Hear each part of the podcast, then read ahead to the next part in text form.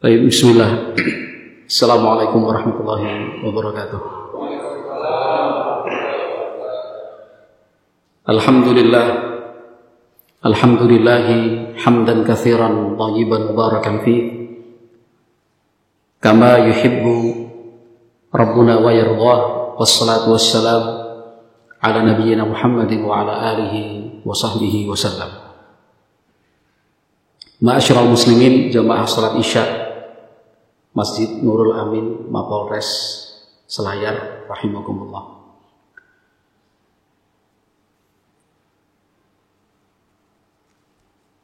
Secara khusus Nabi Muhammad Shallallahu Alaihi Wasallam mengaitkan ibadah puasa dengan kesabaran. Artinya bukti puasa dijalankan dengan benar dan sebaik-baiknya adalah watak dan karakter yang penyabar. Itu bukti. Puasa yang dijalankan dan dikerjakan sudah benar. Nabi Muhammad sallallahu alaihi wasallam bersabda "Idza kana yaumu shaumi ahadikum fala yarfuth yawma idzin wala yaskhab. Fa in syatamahu ahadun aw qatalahu falyaqul inni shaim Nabi Muhammad sallallahu alaihi wasallam bersabda pada saat kalian berpuasa jangan berbicara hal-hal yang kotor.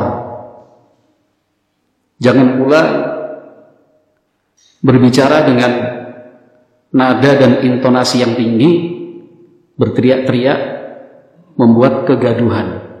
Artinya apa?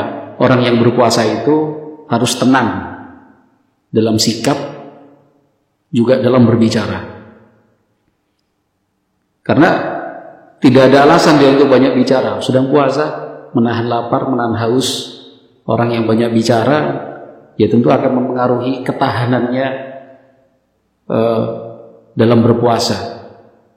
Apalagi sampai teriak-teriak.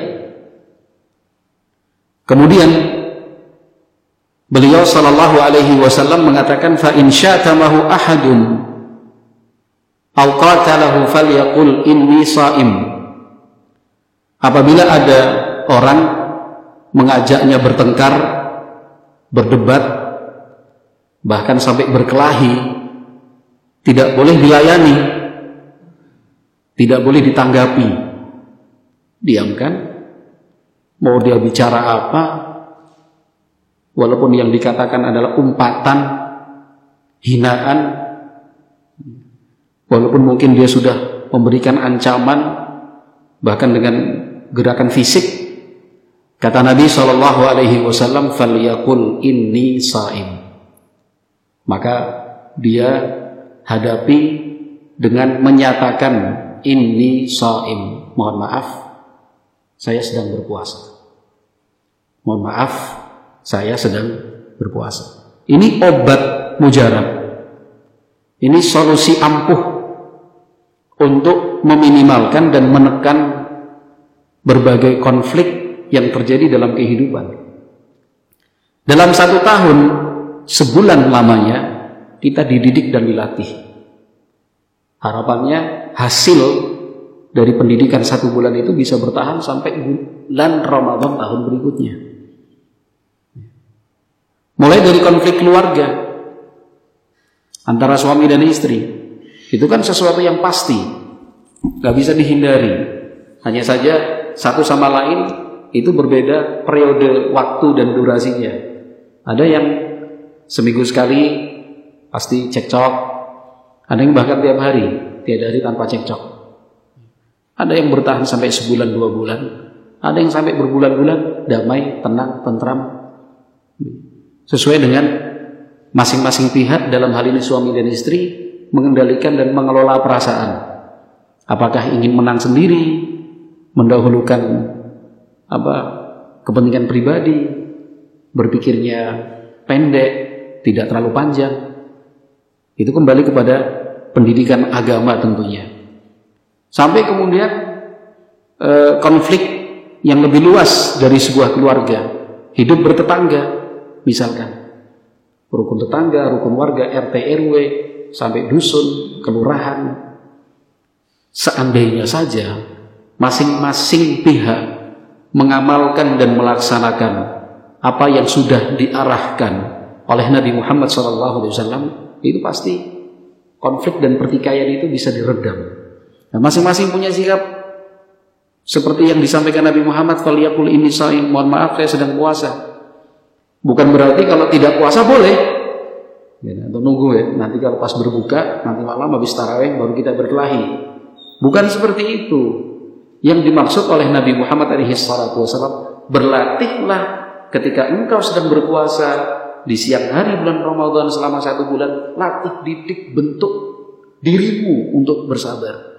Sehingga ketika sedang tidak berpuasa, sikap sabar itu masih ada. Ya, sikap sabar itu masih masih ada.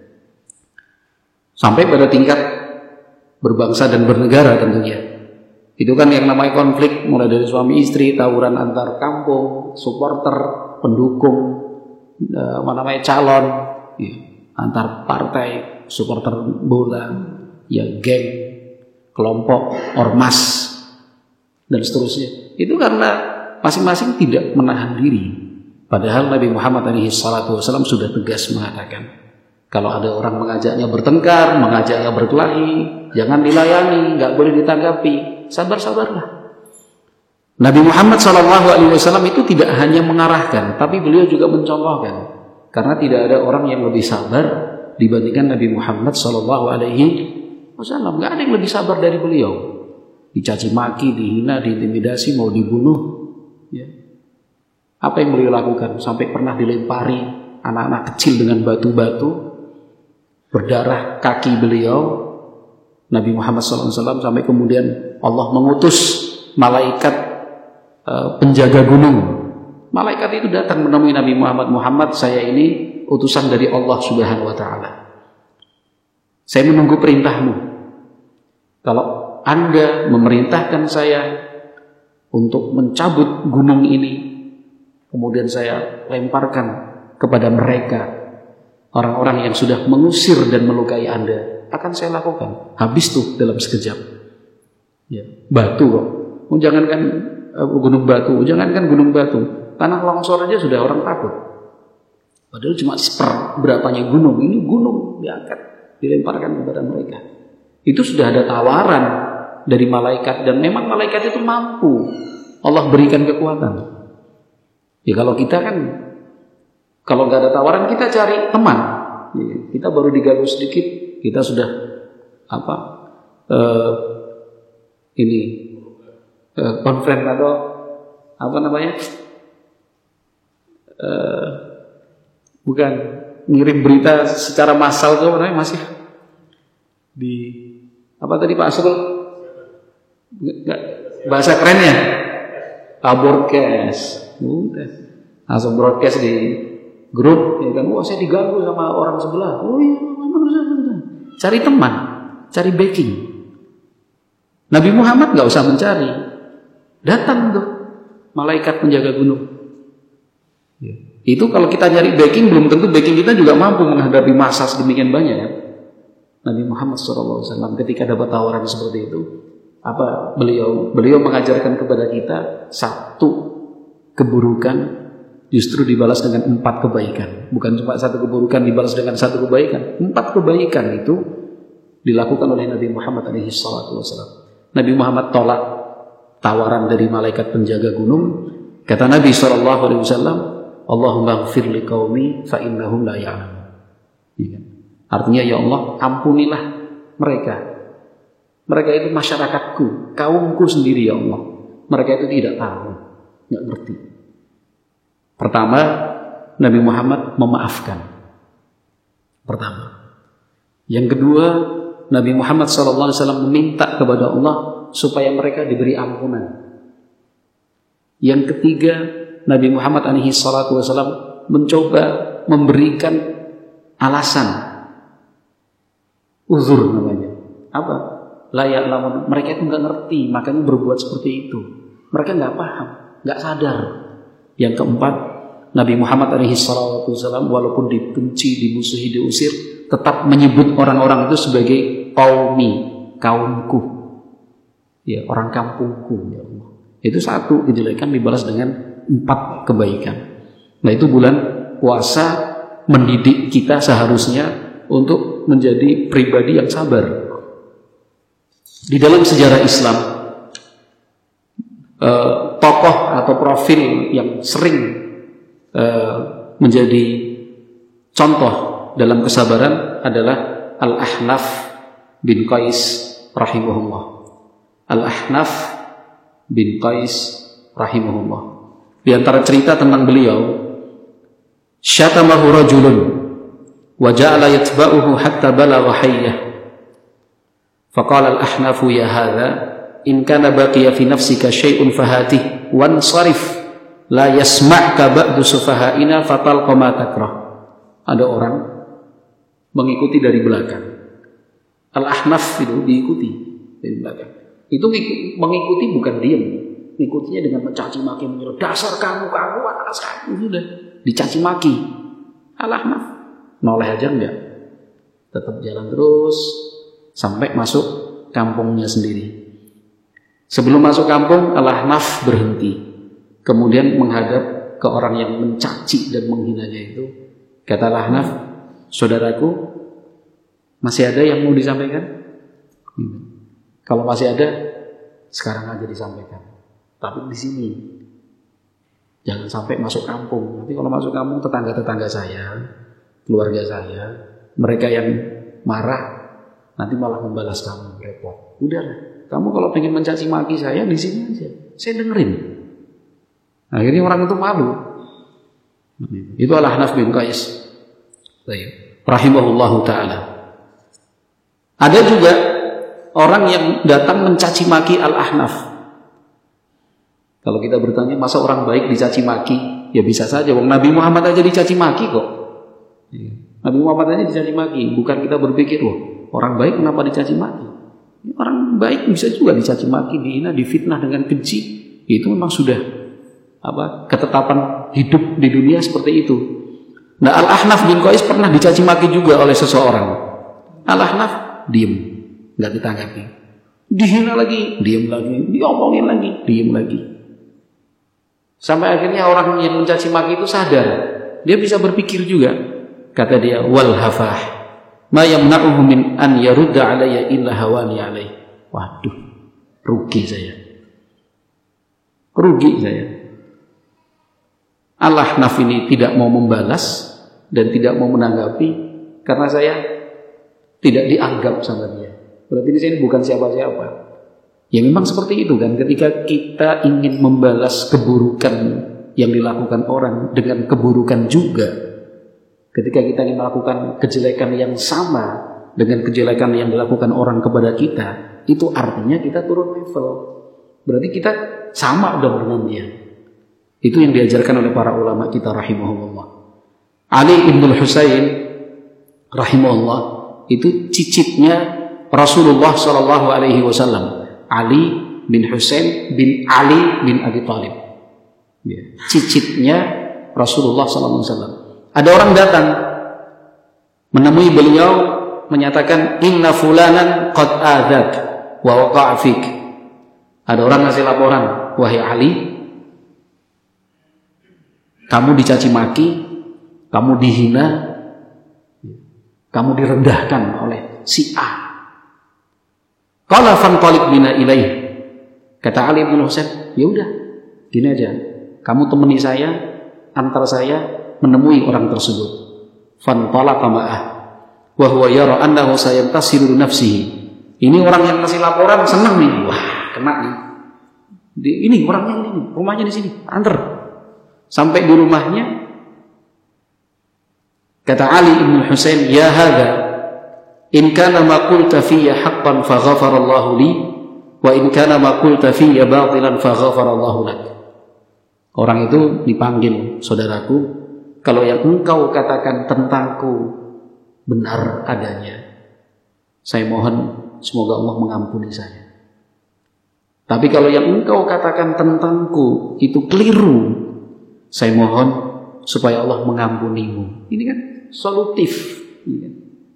Kalau kita dicaci maki sama orang, dihina, difitnah, itu kan pilihannya cuma dua kan.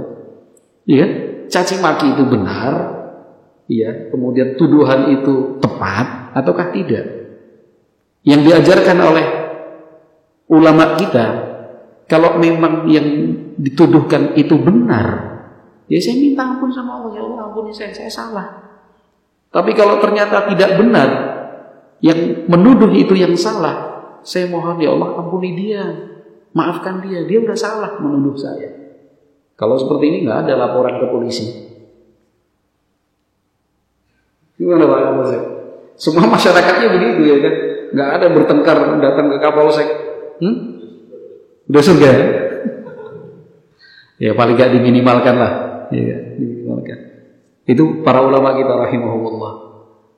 Baik. Kemudian juga Ali ibn Husain masih Beliau pernah uh, sholat di masjid ketika keluar dari masjid, falaqiyahu rajulun fasabbah fatarat ilaihi al-abidu wal mawali. Baru keluar dari masjid sudah ditunggu orang, dicaci maki juga dihina. Caci maki dihina habis-habisnya lah. Ini budak-budak miliknya, kemudian teman-temannya ini yang yang apa tersinggung. Kok tuannya, majikannya, ini kan cicitnya Rasulullah. Anak keturunannya Nabi Muhammad SAW kok dihina dan dicaci maki? Ini sudah mau apa bergerak? Kata Ali ibn Husain mahlan ala rajul. Nggak usah dilayani. Dengarkan dulu. Nggak usah dilayani jangan ditanggapi. Thumma akbala ala rajul. Setelah orang itu apa tidak lagi mencaci maki orang itu sudah diam mungkin selesai faqala ma sutira anka min amrina akthar alaka hajatun nu'inuka 'alaiha. Ali Ibn Husain dengan sabar, sabar itu dan lapang dada tanya, menyampaikan, saudaraku, kejelekan saya yang belum kamu tahu masih lebih banyak lagi. Ya. Jadi kamu mencaci maki saya, menghina saya itu sebenarnya saya ini lebih buruk dari yang kamu bayangkan. Tapi kamu nggak tahu aja. Ya. Tapi kamu nggak tahu aja. Kalau kita kan nggak, udah benar-benar kita jelek, kita salah nggak mau, ya kan ketahuan orang. Memang kita jelek kok. Dibilang pemalas marah, padahal memang malas, ya kan? Dibilang tidak semangat ibadah, tersinggung, padahal nyatanya juga jarang ibadah. Ini kata Ali bin Husain, cicitnya Rasulullah, kejelekan yang saya punya dan kamu tidak tahu itu masih banyak. Apa yang bisa saya bantu? Kamu punya perlu apa? Malah digituin. Fastahyar rajul orang itu akhirnya tertunduk malu fa'alqa alaihi khamisatan kanat alaihi wa amara lahu bi alfi dirham. Setelah orang itu tertunduk malu, Ali Ibn Husain melepas kayak semacam selendangnya itu ya. Dilepas, dikasih nih hadiah buat kamu. Terus nyuruh budaknya kasih dia seribu keping uang perak, seribu dirham, seribu keping. Itu uang banyak itu. Udah udah dikasih hadiah, kasih duit lagi. Fakana ar-rajulu ba'da dzalika yaqulu asyhadu annaka min auladir rasuli sallallahu alaihi wasallam. Dengan kejadian itu, orang tersebut lantas menyatakan saya bersaksi. Ya, saya bersaksi dan saya akui Anda memang keturunannya Rasulullah SAW. Kenapa? Penyabar. Lah kita kan bukan keturunannya Rasulullah. Terus, ya tapi kan kita pengikutnya. Ya, kita pengikutnya. Maka bulan Ramadan ini ya mudah-mudahan kita semua lulus dari pendidikan dan pelatihan ini. Kita sedang menjalani pendidikan dan pelatihan yang Pak Har ya. ya. Pendidikan, pendidikan dan pelatihan kesabaran. Ya mudah-mudahan kita semua uh, selesai di bulan Ramadan sudah menjadi pribadi-pribadi yang menyabar ya dalam semua hal pada istri, pada anak, orang tua, mertua, tetangga, ya kan rekan kerja, pimpinan atasan, bawahan, anak buah. Ya, semuanya lah kita menjadi orang-orang yang penyabar seperti yang telah dicontohkan oleh Nabi Muhammad sallallahu alaihi wasallam. Kita cukupkan sekian. Semoga bermanfaat. Subhanakallahumma wa bihamdika asyhadu an la ilaha illa anta astaghfiruka wa atubu ilaik. Assalamualaikum warahmatullahi wabarakatuh.